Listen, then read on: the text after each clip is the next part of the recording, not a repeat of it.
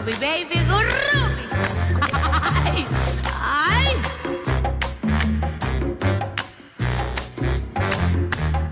Never know how Molt bona tarda, Lolita Bosch, històries extraordinàries amb una dona extraordinària. Hola, senyor Gràcia. Hola, com que senyor Gràcia? Encara no no, no. Però senyor de Senyor de Gràcia. Gràcia. Ja, però jo no Eh, títol nobiliari, eh? No, títol, títol, evidentment heu afegit una de en algun moment de la teva família. Qui va ser? Qui... No. La iaia bullida. La... Perdona, no es deia iaia bullida. Es deia rebullida. Senyora Maria Rebullida. Que- Dues vegades bullida. Jo crec Sort que no m'ha arribat que, això. que va anar a renovar-se el DNI i li van dir senyora, sap què? S'ha guanyat el de. Ara li posarem rebullida de gràcia. No, no, ara, ara, ara poca conya. Uh, el de Gràcia, nosaltres ens pensàvem que era un, una cosa noble i resulta que no. No, Que clar. ans al contrari, és una cosa que- d'orfenat. O sigui, Ah. cap a baix, al revés, al revés de tot. Vale. Jo anava Sí. a dir, clar, és de, que és de, de Gràcia, que pertany No, al, al, al senyoriu de Gràcia. És de les Hermanes de Gràcia d'un orfenat de l'Aragó, que llavors tots els nens i nenes que No naixien allà, els hi posaven allò, expòsito, no sé què, no sé què, de Gràcia, de les Hermanes de Gràcia. No de... fotis. I qui és de la teva família? Es veu que Digues, digues. el- ens van deixar allà, algun avantpassat el van deixar allà. M'agrada molt que diguis, ens van deixar... com- Sí, perquè érem, érem fills d'un capellà. No! Es veu que M'ho sí. dius en Un sèrio? capellà que havia fet coses que no tocaven i, a més... Bueno, amb- sí que tocaven, perquè... No, sí, tocava sí, massa. tocava massa. Amb Els capellans mo- ja saps com... Alguns Mm. capellans... Bueno, alguns capellans. Molts. T'he de dir.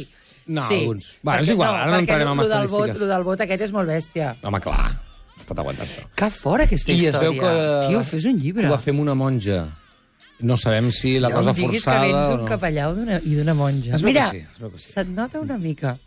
Sí, perquè tens un punt molt pudorós, en el fons. Tens Ja. una cosa molt...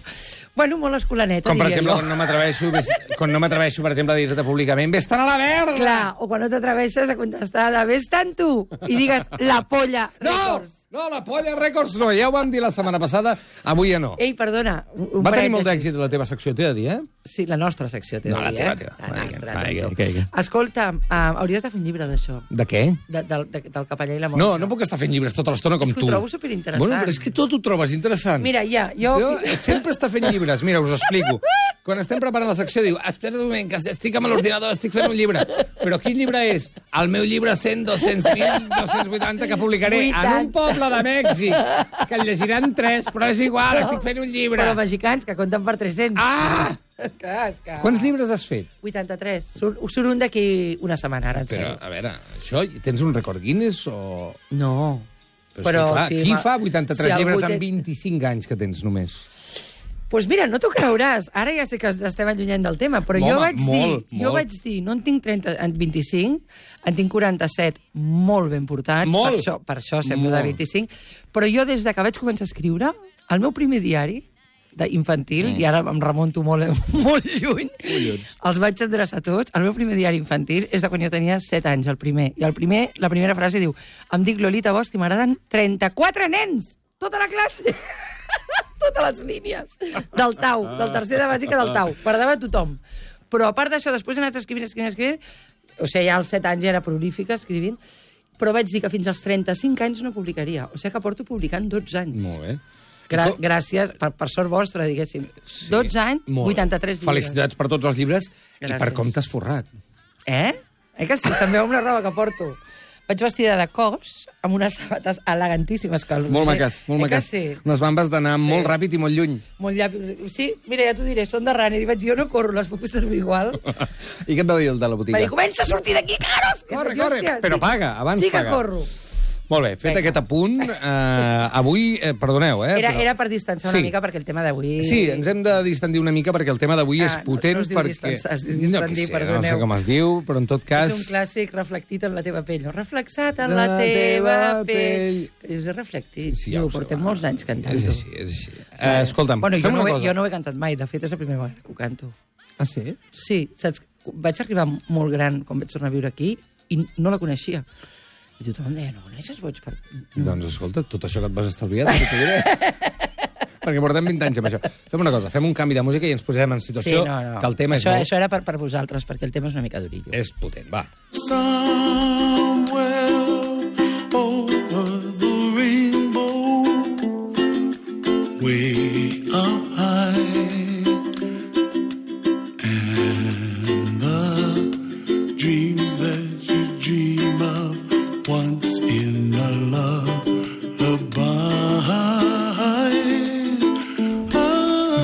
Al tema perquè tenies ganes de parlar del Xavi. Sí, jo anava a dir que, Xavi? que ah, tot això que hem fet abans de parlar del Xavi, que no era forçat, ha sigut una cosa espontània, és com hauria de ser la vida. La vida no, és la que li, no hauria de ser com la que li ha tocat al Xavi. La vida hauria de ser mm, un lloc molt més feliç i, i alegre. El Xavi és, és el pare d'aquell nen de, de Rubí que van matar el 17 d'agost de l'any 2017 a les Rambles. Uh -huh. I, i és un senyor que a mi em va deixar molt, molt parada. Jo que no tinc tele, t'he de dir que a vegades veig preguntes freqüents a, a TV3 la carta, a TV3 la carta, i aquell dia ho estava veient en directe a TV3 eh, des del meu ordinador, que em costa molt veure la tele perquè de seguida he fet tres coses, i vaig pensar que teníem l'obligació d'escoltar-lo, a part de que volia escoltar-lo, vaig pensar que ens havíem de quedar tots i escoltar el que vol fer aquest senyor. El Xavi... Eh, Això va sortir el 21 d'abril, eh? Per si algú 21 vol recuperar aquella entrevista del Preguntes Val molt la pena i s'hauria de passar a les escoles i tal. El, el Xavi era, era, el- era el nen, no? Mhm. era, era un nen de 3 anys, i aleshores en, en aquest programa- de preguntes freqüents, que no us explicaré perquè el, vereu, el, el, el que van dir i tal, ja, ja ho podeu veure a preguntes freqüents, jo volia explicar només qui era el Javier, que és el pare d'aquest- del, del Mhm. nen aquest. Um, primer va sortir el Javier i després s'hi van sumar el David Torrents, que és un mosso en excedència, que parla molt bé, la veritat, i que va participar en el dispositiu del 17 d'agost. Després va sortir Robert Manrique, que, era, que és una víctima de l'atemptat de l'Hipercor, i la Pilar Manjón, que és expresidenta de l'11M, afectades del terrorisme. Finalment s'hi sumava la Rahola. Jo, no, sense fer cap broma sobre la Rahola, el, que era molt interessant era escoltar les víctimes. I jo sempre he dit que aquest país es pot veure com hem canviat comparant aquests... Bueno, sempre ho he dit, ho dic des de fa uns mesos. Comparant la nostra reacció tant mediàtica com íntima en aquests tres atentats. No? A l'Hipercor va morir molta més gent que el 17 d'agost, però ens va fer molta menys por, diguéssim. I això ha anat increixent, ha mort menys gent i ha pujat el, el grau de por. I aquesta por, que, que, que és normal, perquè la premsa ara ho divulga molt més i, i, i, i el, l'alarma social ven i aleshores s'explica d'una altra manera. No només ven diaris, també ven alarmes i ven detectors de metalls i ven lectors d'iris i ven totes aquestes coses que ens fan passar als aeroports. Um, hauríem de pensar de, de quines maneres... Jo recordo molt l'atemptat de l'Hipercor, molt, jo tenia 16 anys, i hauríem de pensar de quines maneres hem, reaccionem davant d'aquestes coses. No? Mhm. hem, hem canviat, ha canviat molt la nostra manera de reaccionar. Bueno, Javier Martínez és el pare del Xavi de dues nenes més. Vale? I el 17 d'agost el Xavi i la seva germana Marina passejaven amb l'exdona del Xavier, que es diu Sílvia, i amb el seu cunyat, el Paco, que també va morir a l'atemptat. I el Javier estava treballant, va rebre una trucada de la seva exdona que no va acabar d'entendre, li va dir que baixés, que, que el nen, que el nen i tal. Llavors ell va agafar un taxi perquè no, no es va veure amb cor de conduir, no sabia molt bé què havia passat, va arribar a les Rambles i llavors va començar un autèntic calvari, diguéssim, més enllà de la mort del seu... Bueno, més enllà de la, del, del que es va trobar. Que era que el seu fill de 3 anys es debatia entre la vida i la mort a causa de l'esclafament massiu que hi havia hagut. Hier encore, j'avais 20 ans, je caressais le temps et jouais de la vie comme on joue de l'amour et je vivais la nuit sans compter sur mes jours qui fuyaient. Bueno, Javier arriba a les Rambles, què es troba? El Javier, abans jo volia dir-te que només té paraules d'agraïment, que és una cosa, sobretot pels servidors públics, que es diuen, és una paraula mexicana traduïda, servidors públicos. Um, a Mèxic s'estudia amb una cosa que es diuen infografies, que són unes pàgines que compres a les papereries, n'hi ha una que es diu, posa servidors públicos. Llavors explica quina funció fa cada un. Jo crec que nosaltres no els apreciem molt. Jo entenc que la gent aquí es mosqueja amb els Mossos, amb els tal, amb els no sé què. Proveu de viure en un país sense tot això i després ho repensem. Mm -hmm. Perquè com va reaccionar tant els cossos policials com els bombers, evidentment els bombers sempre, però bueno, els cossos policials molt mm -hmm. sovint també, com va reaccionar la Creu Roja, tal, no sé què, va ser una cosa espectacularment humana, més enllà de la coordinació de, de, de dalt, eh? O sigui, com va reaccionar la gent, va ser una cosa molt sorprenent. També t'he de dir que quan va haver-hi l'atemptat de Totxa, a mi em va sorprendre moltíssim veure una cosa que no havia vist mai a cap atemptat, que és que la gent va baixar de casa seva amb mantes per tapar els morts, que jo vaig trobar un acte mira, em poso la pell de gallina, sí, sí. super, super d'amor i de bondat i de... i de vergonya de formar part d'una cosa així, no? Pues a les Rambles la gent va reaccionar també molt bé i el, Javi, sempre, el Javier eh, va agrair molt la feina de la gent de, del carrer, diguéssim, eh? de, dels Mossos que estaven allà, la, els, el, la Creu Roja que estava allà i tal. Un guàrdia urbà havia provat de reanimar el Xavi amb un desfibrilador d'una farmàcia a les Rambles, que, que li, li van deixar. No ho va aconseguir, tampoc hi havia cap ambulància disponible, hi havia molt, era en el moment. Així que ell mateix va agafar el nen i el va dur en cotxe El al, guàrdia urbà es va endur el nen cap a... al cap de Roger de Flor. Uau. Sí. I el Xavi va arribar mentre estan a les Rambles, el fill ja no hi era i un dels agents dels Mossos se'l van endur a, a Sant Pau, que és on s'estaven enduent el nen. Aquests trajectes, eh? Aquests moments, eh? Aquests moments Aquests terribles, moments i de, tots Des de la Rambla fins a Sant Pau... Acompanyats, sí. Sense aleshores, saber. una ambulància es- es va endur al... Perdona, primer el van portar al CAP i aleshores d'allà Sí. una ambulància es va endur al Xavi i a la Sílvia, per, a la mare del mare, nen, sí. a, a Sant Pau i el Xavi va agafar el seu cotxe i va anar cap allà amb la seva filla, qu- quan el Javier, que és que, és que els dos li diuen Javi, Sí, sí, jo li dic eh, Javier Ok, el gran Javier per el pare, sí, diferenciar. sí, sí, sí. El Xavi, el nen, que tenia 3 anys, mm. va morir a Sant Pau, i d'allà, que aquí és on comença un calvari pel, pel pare d'aquest nen, que és el que crec que tenim l'obligació de- de- d'escoltar i recapitular, va començar un autèntic calvari per, per aquesta família que no van poder recuperar... Eh, primer, quan, va, quan el nen va morir a Sant Pau, el van deixar, van deixar a la família que entrés i estigués una estoneta amb ell, i van estar un parell d'hores. Llavors van agafar el cos del nen, mort, i se'l van endur a la ciutat de la justícia. I la família va trigar a recuperar el cos quatre dies. Uf. Vale? En sortir de l'hospital, això, això és, una, és una animalada, sobretot si no ho expliquen a les víctimes, si no expliquen... Perquè el, el Javier deia, bueno, hem parlat d'un protocol, un protocol, jo no sé què és un protocol... Vull dir que ho han d'explicar molt bé, han, haurien d'accelerar-se amb els nens i les nenes petites, en fi, jo estic segura que tothom va fer el millor que va saber i tal, però quan va topar amb la ciutat de la justícia tot va anar més lent i ell no entenia, anava cada dia a reclamar el cos del seu fill, no? A part d'això, quan, quan es van endur el, el cos del seu fill a la ciutat de la justícia, ningú, i això el, el, el, el mosso que estava allà en excedència va dir que era un error de coordinació terrible, que és una de les coses que s'hauria d'arreglar, eh, ningú no va acompanyar el Javier a casa seva. O sigui que el Javier es va quedar atrapat, va, va tornar a la feina, va agafar el cotxe, va anar a casa i es va quedar atrapat a l'operació Gàbia que es va fer a Barcelona per quan sortís per, per, per revisar tots els cotxes que sortien, jo hi era, ho, ho recordo com una cosa molt, molt lenta, però no em puc ni imaginar el que era per, per aquest senyor. No? Una agonia, una agonia. Va estar fins a les 3 de la matinada fent caravana i va veure com passava pel seu costat l, el, la camioneta que havia explosionat a les Rambles. La camioneta, perdona, que havien fet servir, que van, després van fer servir els, els, els terroristes a, a Cambrils. I En aleshores, en sèrio, va veure la camioneta i, i ell ho explica, que jo no vaig entendre molt bé quina de les dues camionetes era, però sí, com sigui, va veure una camioneta amb terroristes i ell, quan havia arribat a les Rambles, un mosso li havia donat les sabatetes del seu fill, Sí. que havien saltat o alguna i, i les portava al seient del costat. I quan va passar la camioneta, li va ensenyar les sabatetes. No m'ho puc creure. T'ho juro. És al·lucinant que passi això així.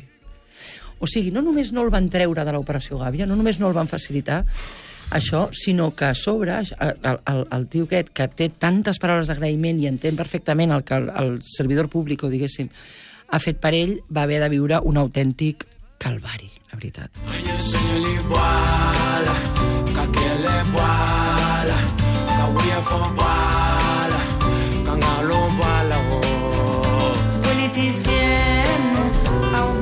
Amb la Lolita eh, explicant la història del Javier Rodríguez, el pare del, Xavi. del, del nen que va morir a l'atemptat a les Rambles, el Xavi, un calvari que està passant ara mateix, que l'estem reconstruint a, a aquest moment, encallat a, amb un embús, quan ell voldria que el temps passés rapidíssim, Ell el que saber volia, coses, clar, poder veure el seu fill... I recuperar tot el això no cos està i enterrar-lo. Recuperar el cos i enterrar-lo. Això és el que ell volia. Però, a part, de, jo, jo no us vull explicar massa el que va explicar Val. ell, perquè el meu el que va explicar ell a Preguntes Freqüents el 21 d'abril, recordo, sisplau, recupereu-lo, passeu-lo a les escoles, perquè és molt important com la, la, les, les nostres societats tracten a les nostres víctimes. És, és molt, molt important. Aleshores, eh, jo aquesta peça l'he fet sobretot per demanar-vos que mireu aquella entrevista i que us l'escolteu amb ell. Perquè el pare vol fer alguna cosa que no va poder fer per salvar el seu fill, diu ell, i crec que li devem el temps que dura una entrevista, que a part és de debò impressionant. La dignitat, que a mi sempre em meravella les víctimes, la seva enteresa, la lucidesa, i el seu dolor que ha convertit en, en responsabilitat. Més enllà del que passa els dos dies després de l'atemptat, el que recordem tots molt és el que passa X dies després de la manifestació. Veiem el Javier Sí. fent- abraçant-se, per exemple, amb, un, amb l'imam de Ripoll, no? O amb Sí, no, de Ripollet. això va ser després, no. Després. Primer, ell va anar a la, a la manifestació perquè van trigar quatre dies a entregar el cos del seu fill. Mhm. Quatre dies, no? que es diu aviat, eh? perquè ell va anar cada dia a reclamar-lo. Van trigar quatre dies a entregar-li el seu fill i deien que era protocol. Jo entenc que s'han d'investigar aquestes coses, però entenc que quatre dies no són necessàries i, i conec de la vora la violència i entenc que quatre dies no són necessaris. Després, a la manifestació de No tenim por, el van saludar alguns polítics de Barcelona. Ara jo no vull fer proselitisme perquè no, no, No. tal, però el van saludar el Puigdemont, el va saludar el Junqueras, el va saludar... Però no, I l'únic polític espanyol que va saludar és Pablo Iglesias. El rei, eh, bueno, el, el Felip VI i la Letícia, que els tenia darrere, No li van dir res? no li van dir res. Perdona? No li van dir res, no li van dir ni, ni no li van donar ni la mà. I després van demanar fer-se fotografies, que tots us recordeu això, a, a, a hospitals amb ferits. Això ho van demanar, que el protocol català deia que, que van intentar frenar-ho, però la Casa Reial va dir que volien fotografies d'aquests dos aquestes dues Però persones és que, és que a males, a, males fins i tot, i ara posant-nos molt frívols, a males, a nivell de- d'imatge, a nivell d'imatge t'hagués anat bé. Mm. Tu dius que, que et costa. Sí, sí. No, no, i a part, el, el, el, el Felip és pare de dues nenes, o sigui que... que de- tal. Total, que no, només el va saludar el Pablo Iglesias, no?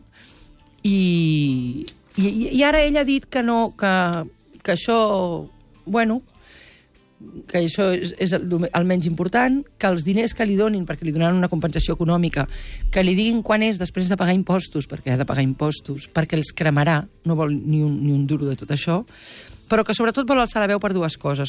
Una, perquè s'estableixi un protocol d'atenció a víctimes del terrorisme que funcioni, perquè increïblement no funciona. Nosaltres sempre tenim aquesta sensació que vivim en un país hipercivilitzat. No és cert.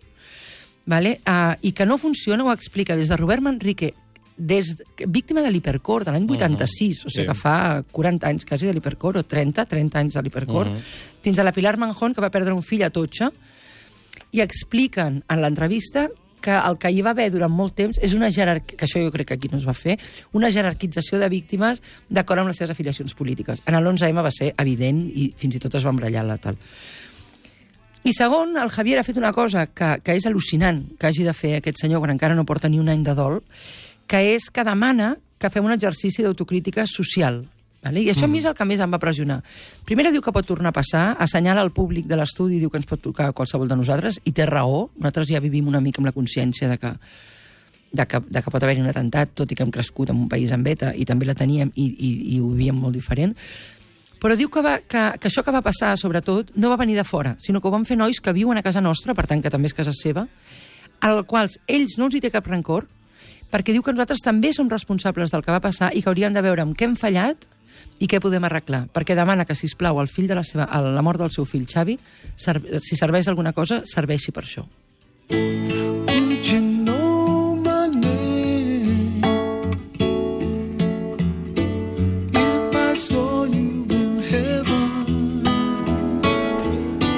Uns dies després de l'atemptat de les Rambles, el Javier ja va fer una mostra de suport i de cohesió social que va estar més a l'alçada que la majoria d'actes que vam veure. Jo diria que tots, eh? De fet, um, no, no, no em feu parlar de la visita al govern espanyol i, de la, i me, més temps del, del Felip i de la Letícia, que van ser terribles, però ell va dir que uh, ell és de Rubí, que Rubí és una societat multicultural, que ell considerava que tota la comunitat musulmana mai l'havia trobat diferent a, a, a la resta de la seva comunitat, vull dir que formaven part integradora de la seva, musul, de la seva comunitat. Aquella imatge és molt potent, eh? I aleshores ell va dir, jo necessito abraçar un musulmà. I va anar a veure a l'imam de Rubí i va acabar Com es- com es trenca eh? consolant... Exacte, va acabar ell consolant l'imam de Rubí dient-li, "Eh, sou nosaltres, tio.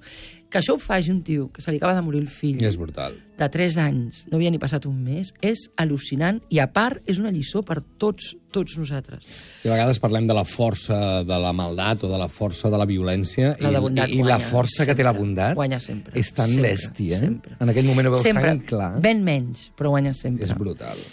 Nosaltres sempre diem que l'islam és una religió de por. Jo cada vegada... És una religió de pau, perdó. Jo cada vegada que... Quin lapsus tan trist. Jo cada vegada que hi ha un atemptat poso un, una foto que van fer a l'atemptat de París, que és molt maca, que, bueno, molt maca, que surt una Kalashnikov i posa això no és una religió, no? Um, el, el pare del Javier, tot, tot i que podia haver-se enfadat, diguéssim, amb, amb la comunitat musulmana, com va haver-hi després tants atacs xenòfobs i tant, tanta islamofòbia que surt sempre després de cada atemptat i tal, ell ho va entendre perfecte i va dir que no, que eren la seva gent. Tot i que t'he de dir que David Torrents, el mosso, que és especialista en, en víctimes del jihadisme mm. i, en, i en cohesió social, li reclama a la comunitat musulmana que no se senti prou a casa quan passa una cosa d'aquestes. Llavors, diu que, per favor, que quan passi una cosa d'aquestes, que surtin massivament, no perquè en siguin responsables, sinó perquè se sentin part de la societat atacada, diguéssim, que no cal que s'amaguin. És que vols dir que en general, perdona... mm, Eh, Crec que molta gent crec- no, no, i que els acusa. Totes les religions fan poca autocrítica, en general, eh? Sí, en general, Que però clar. aquesta avui dia és la més assenyalada. Sí, la islamofòbia del nostre país és, és una cosa Sí, terrible. sí, sí. I com que la gent ho vincula així molt, molt frívolament amb, el, amb els atentats jihadistes, dels quals eh, la majoria de les víctimes són musulmanes, és que em fa esta vergonya haver de dir això, però el, el, van sortir a demanar tot això. I després, sí, hi ha un missatge que és el que, el que del pare del Xavi. A la Guerra de Mèxic sempre diem trabajo para lo que me ha pasado a mí, no te pase a ti. I això és exactament el, el que està fent aquest senyor amb els seus recursos, no? No té res d'honrós ser una víctima, però sí que ho té tot i és molt, molt generós el que està fent el Javier en pro de la cohesió social, no de la integració, que és una paraula absurda que a mi sempre m'ha molestat molt, sinó del benestar de les víctimes de qualsevol atemptat. Jo, com a ciutadana, diguéssim, i ho dic, ja em coneixes que quasi ploro quan dic aquestes coses, però de veritat li vull donar les gràcies per haver alçat la veu en favor de la justícia social i d'un futur millor i, per suposat, acompanyar-lo en el sentiment i dir-li que com a mare no m'ho puc imaginar, hòstia. Mama, avui m'he clavat un fil de coco dins un ull. Mama. Jo us, jo us volia demanar cosa, l'escoltéssiu, 21 d'abril, preguntes freqüents, us l'escoltéssiu, que també escoltéssiu el David, el mosso, és molt interessant el que diu, però que també escolteu a les altres dues víctimes, que són el Robert i la Pilar, i la Pilar, perquè tenim dret a saber, i això és un dret fonamental que a vegades ens treuen, diguéssim, a saber què fa la nostra societat per ajudar els nostres conciutadans i les nostres conciutadanes quan pateixen una agressió com aquesta i el restauren dia a dia, rere- aquest dret el restauren dia rere dia aquestes tres víctimes amb, amb la feina que estan fent. I us he de dir que em sap greu, però que hi ha una cosa que estem fent molt, molt malament. Aquestes tres persones en són una prova, les hem d'escoltar i recapitular, que hi hagi pau. Gràcies, Lolita Bosch. Son pare i sa mare.